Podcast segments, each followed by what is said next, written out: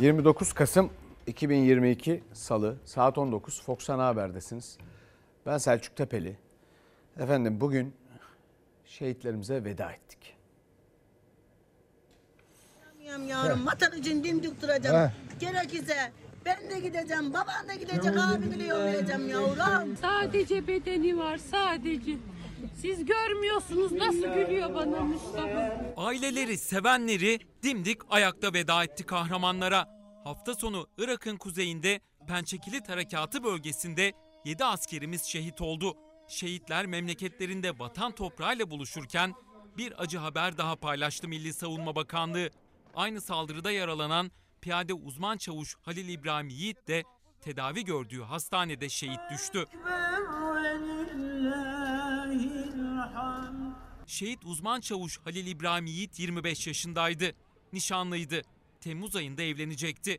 Çarşamba günü toprağa verilecek olan şehidin İstanbul Arnavutköy Anadolu Mahallesi'ndeki evi Türk bayraklarıyla donatıldı. Silah arkadaşı piyade sözleşmeli er Hakan Köroğlu ise Afyonkarahisar'ın Başmakçı ilçesinde pazartesi akşamı son yolculuğuna uğurlandı.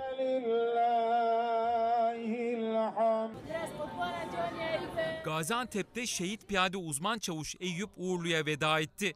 Şehit Uğurlu annesini 3 yaşındayken kaybetmişti. Şehit piyade uzman çavuş Mustafa Yıldız da Samsun'un Vezirköprü ilçesinde vatan toprağına emanet edildi. Kız kardeşi Havva Yıldız, şehit abisinin asker elbisesi içindeydi törende ve teröre lanetler yağdırdı. Bak benim kardeşim şehit oldu bayraklarına sarıldı da gitti. Gördün mü? Şehit piyade uzman çavuş Mustafa Işık 4 ay önce baba olmuştu. Şehit için Konya'nın Seydişehir ilçesinde cenaze töreni düzenlendi. Eşi Meryem Işık 4 aylık bebeğiyle veda etti şehide. Bak nasıl geldi şimdi yanına. Dimdik bir tanem. Şehitlerin silah arkadaşları ise gece gündüz demeden terörle mücadeleye devam etti. Irak'ın kuzeyindeki Pençekilit ve Suriye'nin kuzeyindeki Fırat Kalkanı bölgelerinde 10 PKK'lı terörist etkisiz hale getirildi. Efendim şehitlerimize Allah'tan rahmet, yakınlarına, milletimize başsağlığı dileriz. Ve şimdi bütün bunların neticesinde bakalım sınır ötesi planlar neymiş?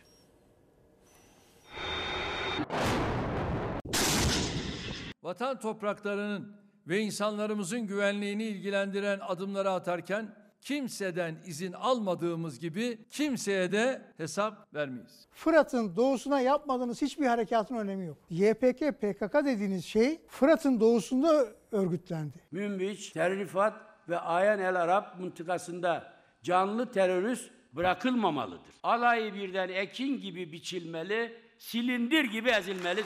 Kara harekatına ilişkin açıklamalar sürerken kararlılığı gören Rusya'nın da terör örgütü PKK-PYD'yi Türkiye sınırından çekilmeleri konusunda uyardığı iddia edildi. Artık ülkemizi içi de altı da boş tehditlerle siyasi, diplomatik, ekonomik, askeri alanda kendi çıkarlarına aykırı pozisyonlara zorlamaya kimsenin gücü yetmeyecektir. Türkiye'nin meşru müdafaa hakkı var ama özellikle Suriye içinde daha çok ölüme yol açacak ya da IŞİD'le mücadele çabalarımıza zarar verecek bir eylem görmek istemiyoruz. Dost ve müttefik pozu veren ülkelerin teröristlere canlı kalkan olması mücadelemizi sekteye uğratmamalıdır. Karşımıza kim çıkarsa sonu teröristlerin sonu gibi olmalıdır. Amerika'nın olası kara harekatına karşı açıklaması Moskova yönetiminin de harekatı önlemek için terör örgütünü Türkiye sınırından uzaklaştırma hamlesi. Bir yandan da Ankara-Şam yönetimi arasında 12 yıl aradan sonra temas planları. Suriye ile de bu iş yoluna girebilir. Siyasette küslük olmaz. Türk yetkililer tarafından medyada yer alan bütün açıklamalara güvenmiyoruz. Bunlarda resmi herhangi bir şey yok. Bu tür açıklamalar aylardır var. Fakat bunları kendi çıkarları belki seçim için yapıyorlar. Esad'ın danışmanı Buseyna Şaban, Erdoğan'ın Şam yönetimiyle yeniden temas sözlerine güvenmediklerini söyledi. Suriye Devlet Başkanı Esad da Ankara ile ilişkilerin yeniden başlaması için Türkiye'nin Suriye'den çekilmesi şartını koşmuştu. Dönemin şartlarına göre hareket edilmesi gerektiğini biliyoruz. İlişki seviyemizi düşürdüğümüz Kimi ülkelerle de selamı, sabahı ila nihaye kesmedik. Sen ne görüşürsen görüş. Ayrıca bu görüşmeler yeni değil. İstihbarat düzeyinde çok uzun süredir görüşülüyor ve Türkiye'ye şart da yatıyorlar. Ankara'nın Şam yönetimine yönelik ılımlı mesajlarına aynı ölçüde yanıt yok şimdilik. Kara harekatı da masada. Efendim şimdi durumu görüyorsunuz. Sınır ötesi planlar. Ne diyoruz burada? Haftalardır biz bütün yani kâir ekseriyetle haberlerimize şehitle, şehit haberleriyle başlıyoruz. Buna dikkat çekmeye çalışıyorum. Ve dün dedim ki şehit olanlar rakamlar değildir. Vatan evlatlarıdır. Ben size bir şey söyleyeyim. Planlar filan bilmem ne filan. İşte oradan icazet almayız, buradan izin almayız filan. Tam aksini söylüyorlardı. Bugüne kadar neyse aynı şey devam ediyor. Terörle mücadelede başarısız olduklarını düşünüyorum. Siz öyle düşünmüyorsanız başımla beraber. Ama kendi kendinize başınızı yastığa koyduğunuzda ne olur bir düşünün.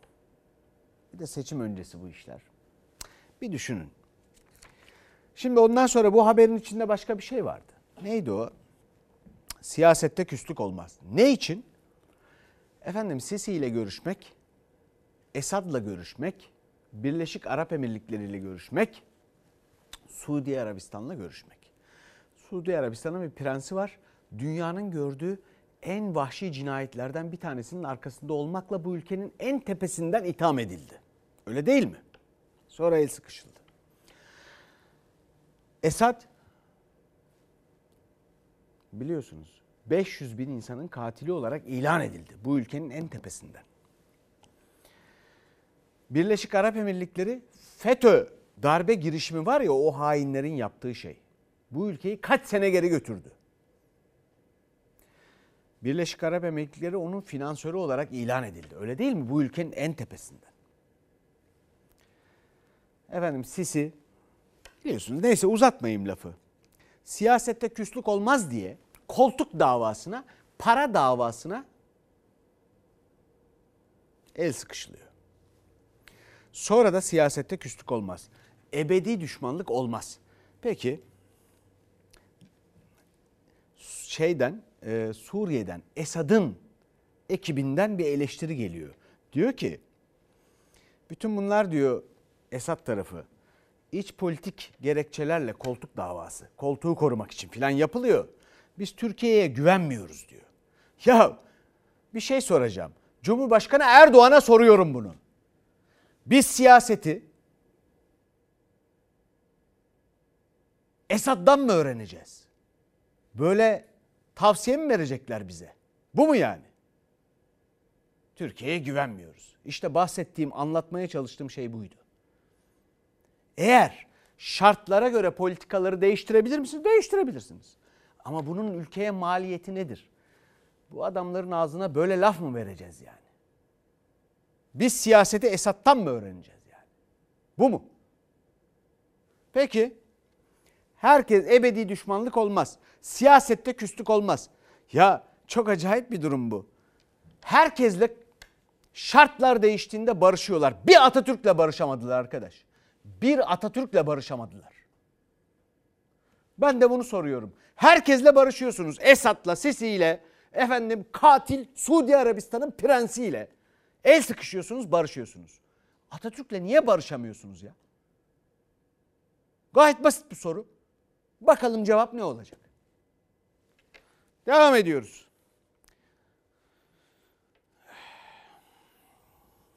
İktidar Cumhur İttifakı altılı masanın anayasa teklifini tartışıyor. Bu iyi bir haber. Hani güzel haber yok mu diyorsunuz ya. İşte var. Güzel haber. İktidar altılı masanın anayasa teklifini tartışıyor. Cumhurbaşkanlığı hükümet sistemi Türkiye'nin arayıp bulduğu şifadır. Bu sistemden geri dönüş yoktur. Cumhurbaşkanlığı sisteminin revize edilebileceğini söylüyoruz. Muhalefetin güçlendirilmiş parlamenter sistem anayasa teklifi sonrası Cumhur İttifakı ortaklarının açıklamaları. AK Parti Genel Başkan Yardımcısı Mustafa Şen, Cumhurbaşkanlığı hükümet sistemi revize edilebilir dedi. Aynı gün AK Parti sözcüsünden sistemde geri adım yok açıklaması geldi. Herhangi bir şekilde halk oyuyla seçilmiş bir cumhurbaşkanının yürütmeyle ilgili hiçbir meseleye katılamaması gibi bir şey söz konusu olamayacaktır. Bunun Erdoğan karşıtlığı üzerine kurulduğunu görmek mümkündür. Erdoğan çıktı ve bir vizyon konuşması yaptı. İki buçuk saat tek başına kürsüdeydi. Başka kimse yoktu. Her şeyi ben bilirim ve her şeyi ben yaparım dedi. Tek kişi. Millet İttifakı'nın anayasa teklifinin temelini sistem değişikliği oluşturuyor. Güçlendirilmiş parlamenter sisteme dönüş sonrası anayasada yapılacak değişiklikler. Meclisin yetkileri artırılırken yürütme Başbakan ve Bakanlar Kurulu'nda olacak. Cumhurbaşkanının yetkileri gibi görev süresine ilişkinde düzenleme var. Cumhurbaşkanlarının bir dönem ve 7 yıl için seçilebilmesini öneriyoruz. Bir görevi Cumhurbaşkanlığı hükümet sistemi olarak tamamladık. İkincisine 23'ünde hazırlanıyoruz. İki yetmez, üç olsun dersek ne yapacaksınız? O kafa malum saray kafasıdır. Mevcut anayasaya göre Cumhurbaşkanı üst üste en fazla iki dönem görev yapabiliyor. Muhalefet 7 yıl için bir dönem seçilmesi önerisi sunarken Bahçeli beşer yıllık 3 dönem değişikliğini önerdi. Şimdi bunların bir uykusunu da kaçırayım. Cumhurbaşkanlığı hükümet sistemi beşer yıllık üç dönem olsa da yeni yüzyılın 25 yılını tamamen lider ülkeye doğru hızla götürsek. Biz bu ucube sistemden kurtarıp demokratik bir sisteme geçmeyi öneriyoruz. Biz yoksulluktan, işsizlikten kurtarıp iş vermeyi öneriyoruz. Bu 3 kere 5, 25 Recep Tayyip Erdoğan'ı koltukta tutmayı öneriyor. Başka bir hesabı, başka bir kitabı kalmamış. Zillet İttifakı'nı oluşturan partilere çağrım. Gelin Cumhur İttifakı'nın yeni anayasa hazırlığına ve hedefine siz de katılın. Bahçeli zillet diyerek muhalefetten Cumhur İttifakı'nın anayasa değişikliği çalışmasına destek istedi. Muhalefetin anayasa teklifi sonrası AK Parti Genel Başkan Yardımcısı Mustafa Şen'in Cumhurbaşkanlığı hükümet sistemini revize edebiliriz sözü dikkat çekti. Cumhurbaşkanlığı hükümet sisteminin sonuçlarını şu anda yaşıyorsunuz, hissediyorsunuz. Çarşıda, e, şey, pazarda, alışverişe gittiğinizde, çocuklarla ne bileyim onların üstüne kıyafet aldığınızda, ülkede vergi vermenize rağmen efendim parasız hiçbir şey kalmadı sağlıktan eğitime neyse sonuçlarını zaten yaşıyorsunuz. Bütün bunlar bu fakirleşme, bu enflasyon, dışarıdaki bu pahalılık Cumhurbaşkanlığı hükümet sisteminin sonuçları. Bunları siz değerlendireceksiniz. Buna alternatif bir şey öneriliyor. Eksiği var, fazlası var, neyse ne. Fakat şu anda yaşadığımız şey bu ülkenin töresinde, türesinde hiçbir şeyinde yok. Açın Hal- Halil İnalcık'a bakın. Bakalım sadrazamsız, başbakansız padişah var mıymış Osmanlı'da? Bakın bakalım. Tek bir kişinin buyruğuyla oluyor muymuş işler? Bir bakın yani. Neyse bunu tartışmaya devam edeceğiz. Vaktimiz yok. Keşke anayasa tartışabilsek. Ama öyle bir vaktimiz yok. Açlıkla, sefaletle uğraşıyoruz efendim. Öyle şeylerle uğraşıyoruz. Keşke hukukla uğraşabilsek. Öyle bir vaktimiz yok. Siz bakarsınız. Ama bu teklifi okuyun. Bakın ona.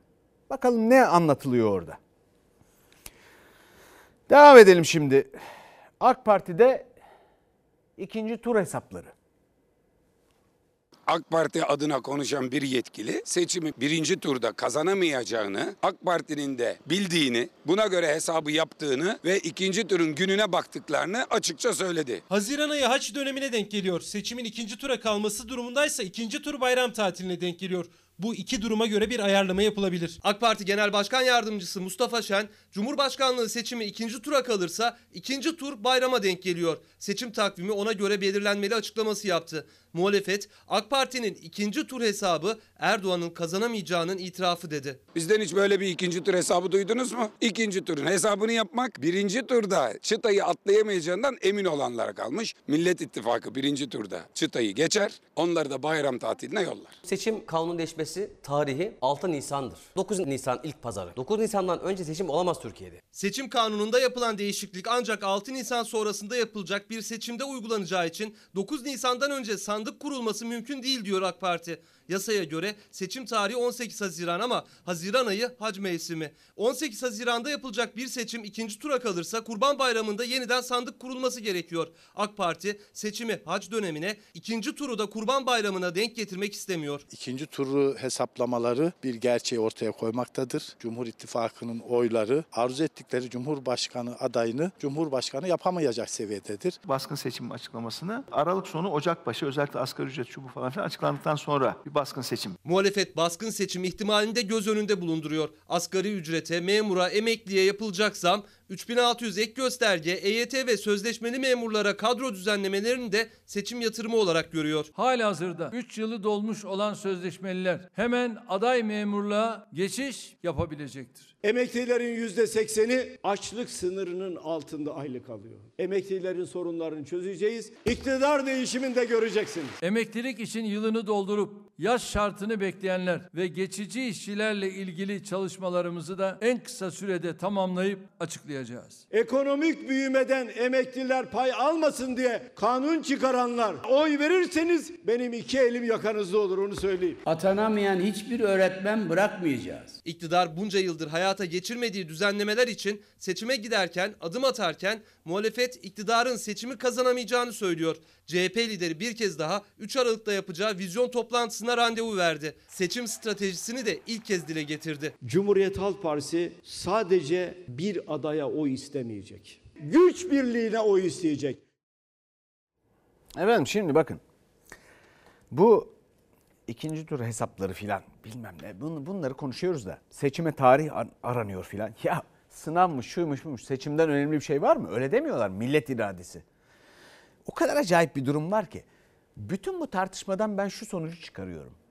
Rahmetli Necmettin Erbakan'ın zamanında üretilen pancar motor vardı.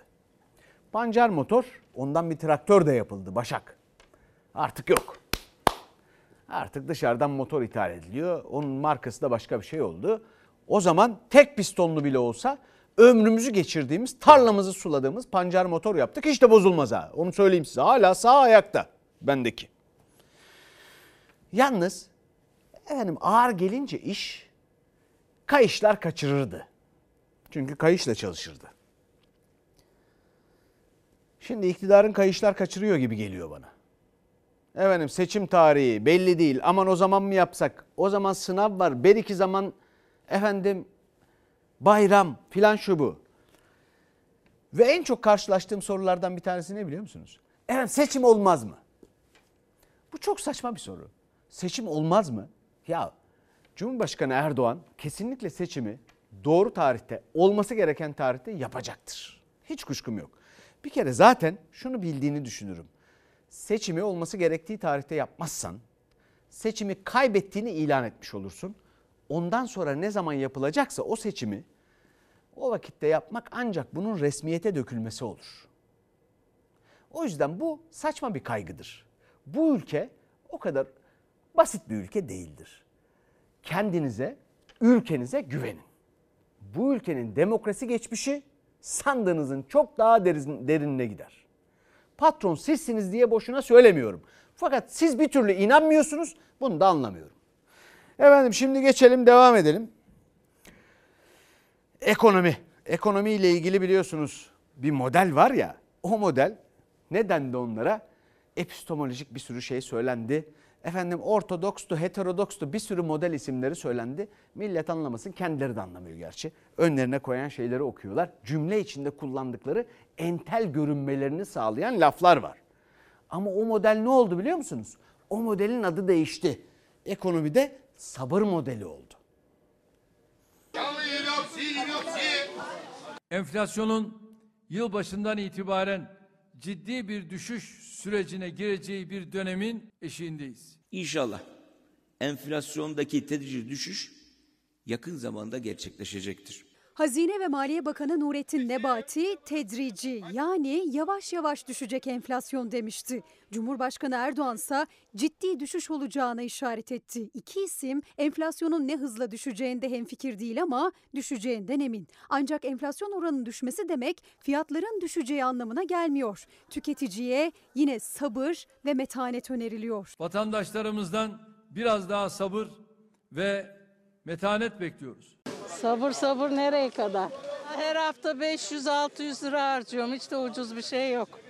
Temel gıda patates tezgahta 50 lira. Kışın meyvesi ayva. Onun en ucuz olması gerekirken o bile tek hane değil. Fiyatı 10 lira. İşte bu manzara karşısındaysa tüketicinin ihtiyaçlarını karşılayacak cebinde ne yeterli parası ne de sabredecek vakti kaldı. Canım yok. Sabredeydi. Bilmiyorum sonumuz ne olacak. O beklenen indirimler gelecek mi Ozan? İyi ihtimalle enflasyon oranı düşecek. Fakat bu ucuzluk geleceği anlamına gelmiyor. Çünkü enflasyon denilen hadise bir arabaya benzetirsek eğer ileri viteste giderken 85 kilometre hızla gidiyorduk. 75 kilometre hızla ileri doğru gideceğiz. Düşecek gibi gözükmüyor yani. Hayat çok pahalı görüyorsunuz. Bir makarna 19 lira 20 lira. Halkımızın en azından temel olarak bunu anlaması lazım. Enflasyon hızının düşmesi demek fiyatların aşağıya inmesi anlamına gelmiyor. Enflasyon bir ürünün fiyatındaki değişim hızını gösteriyor. Yani enflasyon oranı düşse de o ürünün fiyatı artmaya devam ediyor. Kasım 2022'ye bakıyorum 100 lira ürün. Geçen sene ne kadarmış? 50 liraymış. Enflasyon ne kadar? %100. Şimdi geldim Aralık ayına. Aralık ayında ürünün fiyatı 125 lira oluyor.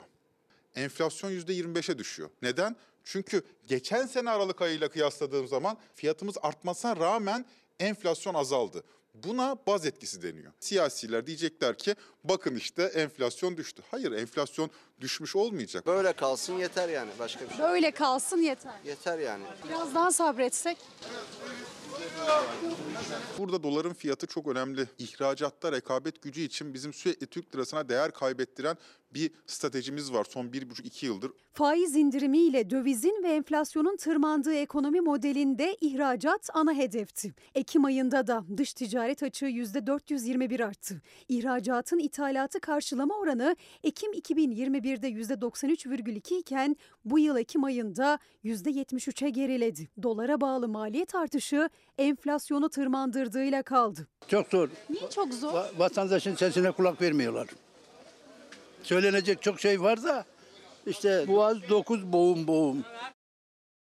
Valla bir seneden fazla oldu bunu söylediğimiz. Bu modeli uygulamaya başladıklarında dedik. İnsanları enflasyonun altında ezdirecek, bunu göze aldıkları bir model uyguluyorlar. İşte o model şimdi döndü dolaştı. Sabır modeli işte o oldu. Ve sonuç elde ettiler mi? Hayır. Sözde ihracatı arttıracaklardı. İhracatı da arttıramadılar. Asgari ücret bakalım herkes bekliyor ne olacak diye. Efendim ezdirmeyeceğiz diyorlar ya. Hatta meydan okuyorlar. Nurettin Nebati demedi mi? Kimse enflasyonun altında ezildiğini söyleyemez dedi Nurettin Nebati. Uykusunda konuşuyor biliyorsunuz. Siz biliyorsunuz ezildik mi ezilmedik mi?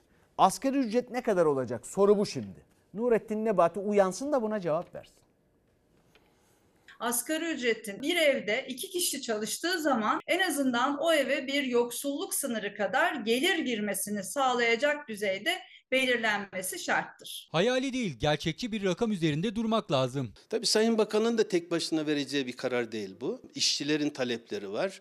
E, Sonuçta da nihai karar verici Sayın Cumhurbaşkanı var. Çalışma Bakanı 4 gün önce asgari ücrette %50 zam olur mu sorusuna hayali değil gerçekçi olmak gerekir yanıtını vermişti. Asgari ücret pazarlığı öncesinde sendikalar kartlarını açmaya başladı. Disk iki asgari ücretli bir evin geliri yoksulluk sınırına yakın olmalı dedi. Diskin yoksulluk sınırı 26 bin lira yani disk asgari ücret için 13 bin lirayı işaret ediyor. Yoksulluk sınırı aslında diske göre işte 26.123 lira. Biz bu rakamdan yola çıkacak olursak asgari ücret talebinizin yarısı olduğunu düşünebilir miyiz? Hangi rakam bandında olması gerektiğini de ifade etmiş oluyoruz. Yani yoksulluk sınırı bu açıdan bizim için bir ölçü. Aynı zamanda enflasyon. Şu andaki asgari ücretli ev kirasını sağlayamayan milyonlarca insan var. Milyonlarca asgari ücretlinin 2023 yılında alacağı zam için ilk toplantı 1 Aralık'ta Çalışma Bakanı'nın ev sahipliğinde. O masada işçiyi temsil edecek Türk İş'te, işvereni temsil edecek TİSK de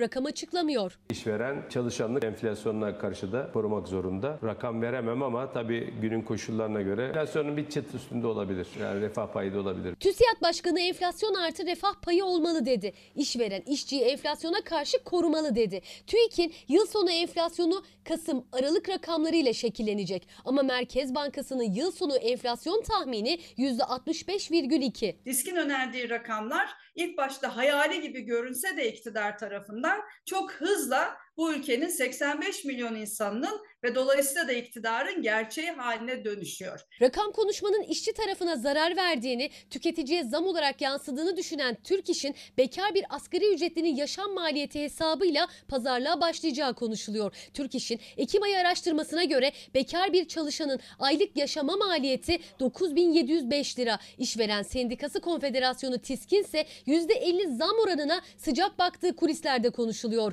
Bu da 8250 lira demek. %50, %70, %80 artırılması değil önemli olan asgari ücretin. O asgari ücretle ne alabildiğimiz önemli. Ne kadar ne alabildiğimiz önemli. Evet. Efendim şimdi bunun haberi yok. Neden? Bir gelişme yok. Ama dedim ki bırakmayalım peşini. Promosyonda yasal güvence teklifi mecliste.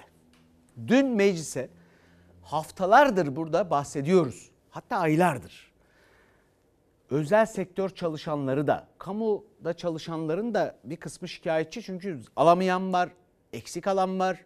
Özel sektör çalışanlarının da eğer maaş müşterisi oldukları bir banka varsa oradan promosyon hakları var. Ve dün meclise bir teklif verildi. Bunu hep istedik. Dün oldu. Ne teklifi? Yasal güvenceye alınsın promosyon hakkı çalışanların. Yani bu ne demek? 20'şer 30'ar bin lira insanlar toplu para alacaklar. Herkes kime oy verdiğinizin önemi yok. İsterseniz iktidara oy vermeye devam edebilirsiniz. İsterseniz muhalefete verirsiniz. Bu bizim konumuz değil. Ama alacağınız para, cebinizdeki para bir şeye ilaç olması konusu.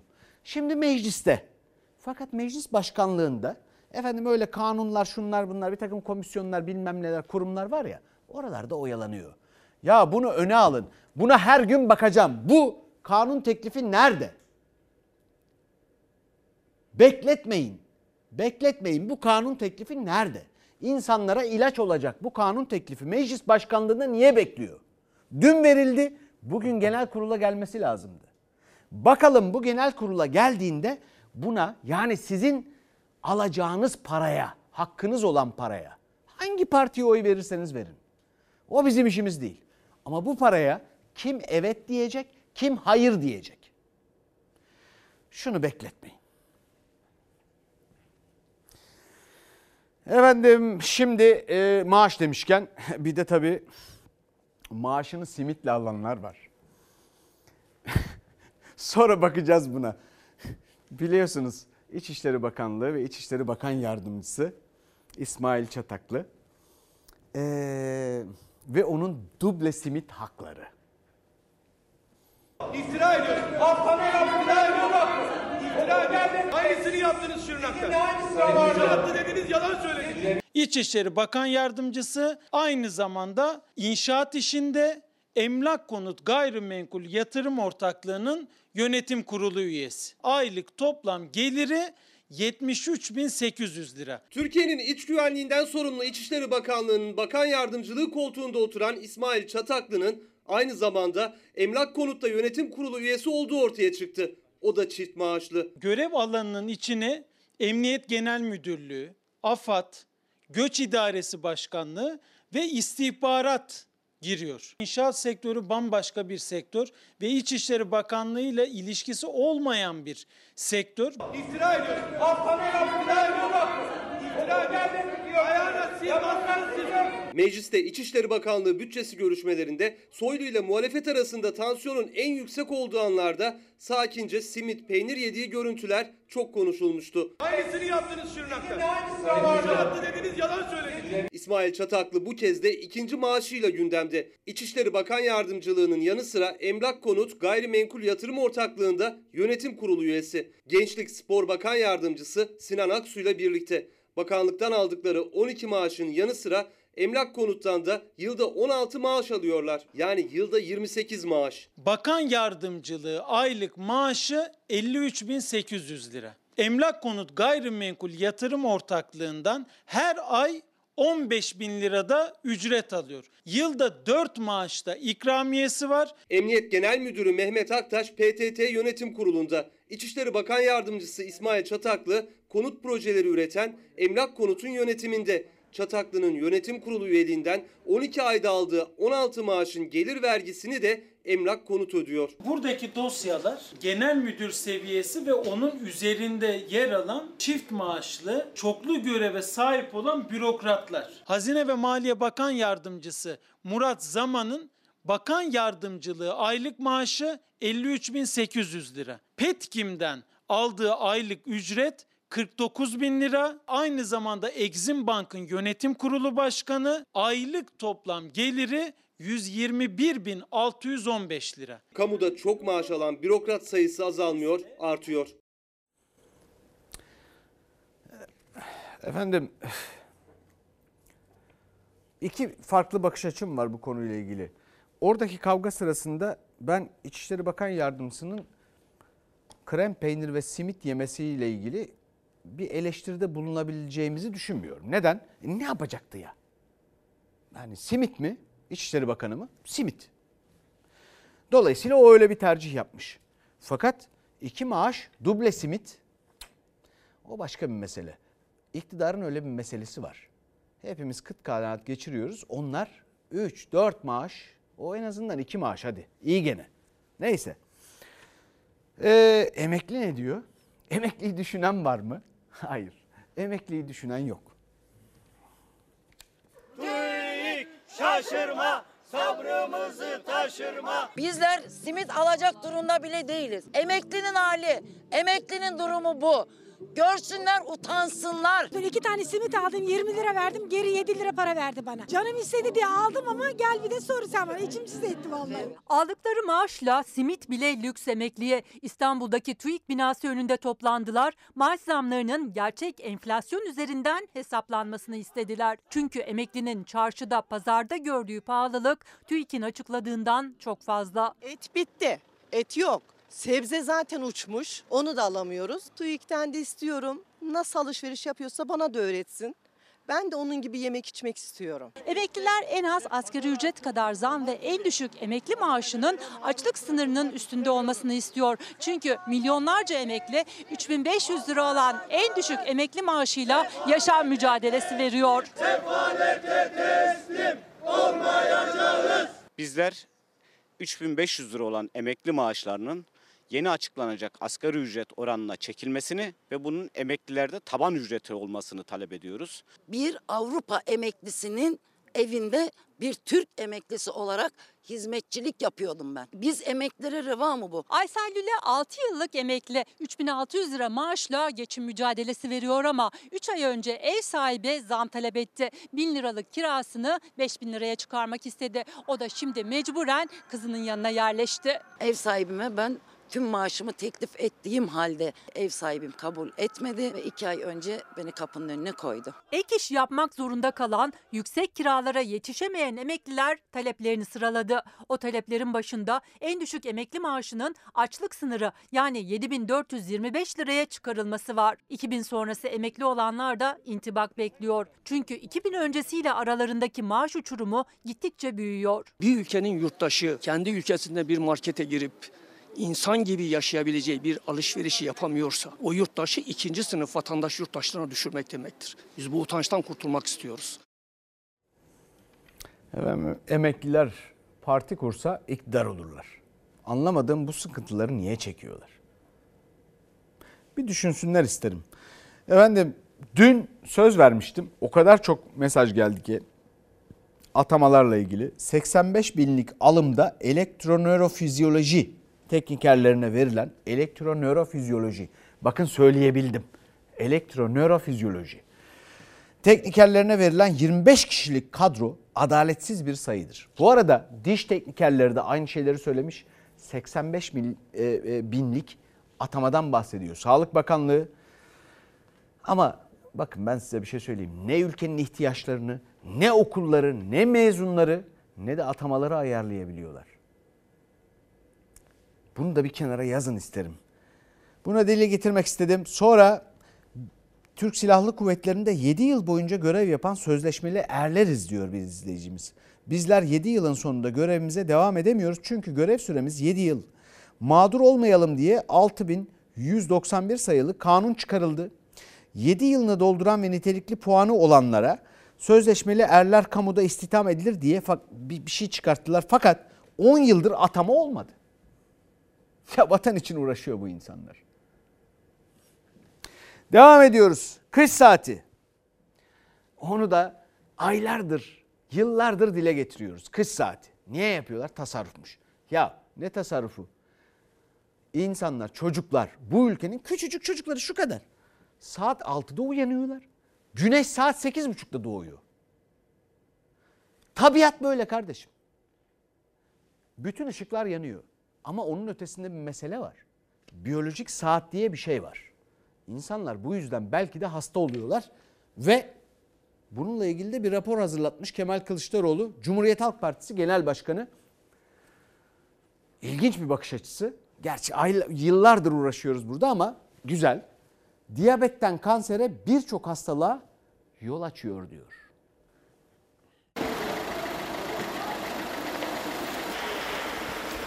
Çok zor uyanıyor. Gece niye beni okula götürüyorsun diyor mesela. Psikolojik olarak ruhen e, birazcık baygın geçiriyorlardır yani. Kış saatine geçmeyerek bakın çocuklarımıza ne yaptılar. Bu karanlıkta bu yollara düşen Türkiye'nin sabahlarını karanlığa boğdular. Aklı sıra efendim muhalefet yapmaya çalışıyor.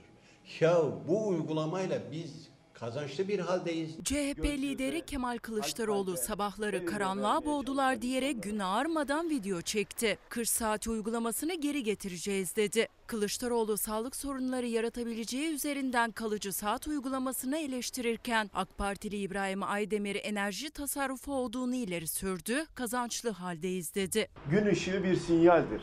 Bu sinyal gelir ve fizyolojik süreçleri kontrol eden çeşitli hormonların üretimi başlar. Bunu engellerseniz hastalıklara yol açarsınız. Ne kadar tasarrufumuz var? Bunu görmüyor musun sen ya? Bunu dünya takip ediyor. Bozulmuş biyolojik ritim, nöro hastalıklar, diyabet, kardiyovasküler hastalıklar ve kanser gibi hastalıklar için önemli bir risk teşkil ediyor. Bakın Amerika Birleşik Devletleri yaz saati uygulamasından dolayı Türkiye'yi örnek alırken sen kalkmışsın ucuz siyaset yapıyorsun. Hava aydınlanmamış oluyor. Çok zor. Çünkü evde uyanamıyor bu çocuk. Okulda da hepsi uyuyor bir vaziyette. Ders dinliyorlar yani. Anladıkları bir şey olmuyor yani. Dikkat eksikliği okulda oluyor. Yani öğretmeni de söylüyor. Çocuklar hava aydınlanmadan kalkıyor, daha uyanamadan okulun yolunu tutuyor. İlk ders uyanmaya çalışmakla geçiyor. Uzmanlara göre bu durum sağlık sorunlarına yol açıyor. Gün içerisindeki yorgunluğa, adaptasyon sorunlarına, uyanamamaya sebep oluyor mu? Kesinlikle oluyor. İşte bu verimlilik hususunda bu yaz saat uygulaması Türkiye'ye çok önemli bir katkı yaptı. Öğrenciler, veliler saatlerin eskisi gibi geri alınmasını istiyor. 2016'da o dönemin Enerji Bakanı olan Berat Albayrak Bayrağın kararıyla başlayan uygulama hep elektrik tüketimi üzerinden tartışılmıştı. Kılıçdaroğlu'nun çıkışıyla sağlık üzerinden tartışılıyor artık. Genel olarak gün içerisinde baktığımızda evet çocuklarda bir gerginlik var mı var, depresif bir duygu durumu var mı var, uyku durumu var mı evet var. Bazen yetersizlik düşüncelerine bile sebebiyet verdiğini gözlemliyoruz. Gece oluyor yani uykulu uykulu geliyoruz. Öğretmenin de anlattığına göre ilk derste uyuyorlarmış yani. Efendim tabiat diye bir şey var. Bakın Joanna Bryson isimli bir kadın var. Bu kadın yapay zekanın anası sayılıyor. Öyle söyleyeyim size.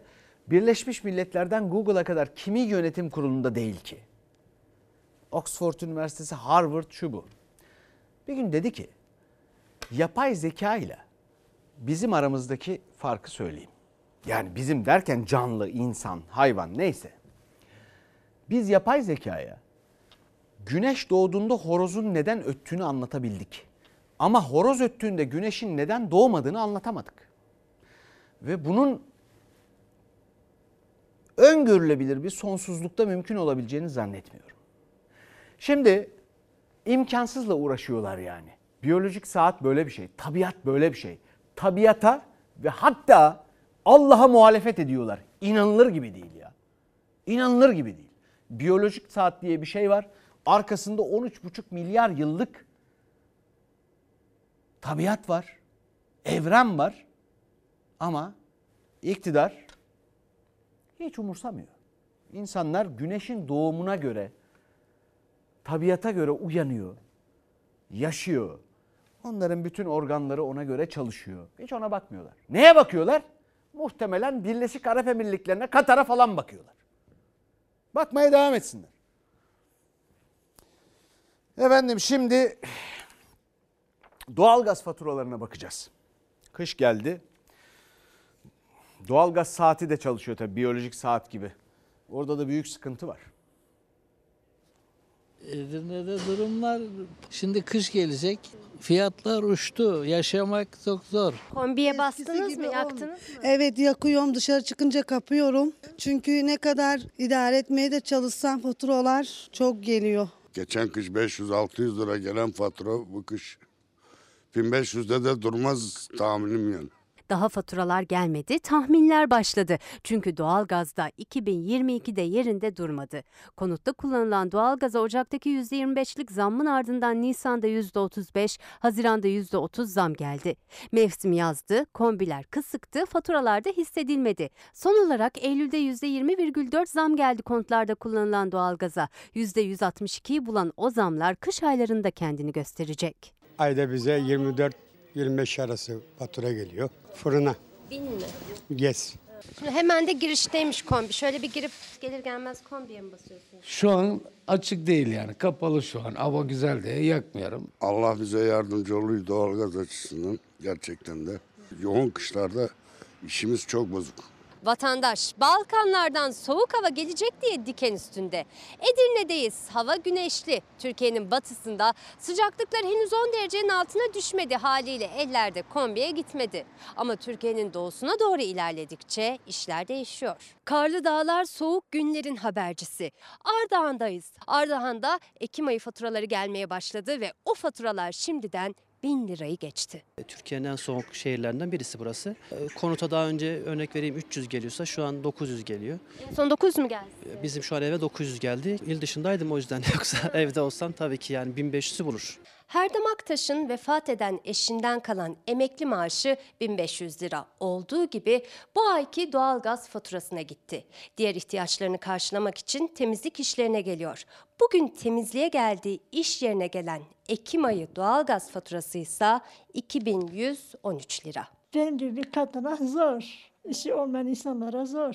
Kış geliyor. Ne yakacaklar? Kömür fiyatları da çok yüksek. Hani eskiden bir tabiriyle vardı kazma kürek yaktırır. Vallahi bilmiyorum bizde kazma kürek de kalmadı. Neyi yakacağız bilmiyorum vallahi. Artık yorgandan çıkmayacağız herhalde bu gidişle.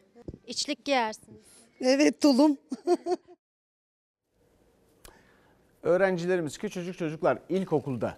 Dün dedik ki Milli Eğitim karşı çıktı. Belediyeler bazı yerlerde öğrencilere yemek vermek istiyorlar. Karınlarını doyursunlar diye. Milli Eğitim, Milli Eğitim bile düşünün karşı çıkıyor. Efendim bunun için ülkede imzalar toplanmaya başladı. Bu ülke ilkokul öğrencisinin karnını doyuramayacak bir ülke mi? Vergileri ne yapıyorsunuz ya? Öğrenciye bir öğün yemek için 100 bin imza. Alamıyoruz ki. Benim çocuğum var. Bir annenin de çöpten ekmek aldığını görüyorum. Bir anne çocuğuna markette bir çikolata alamıyor. Bir liraya.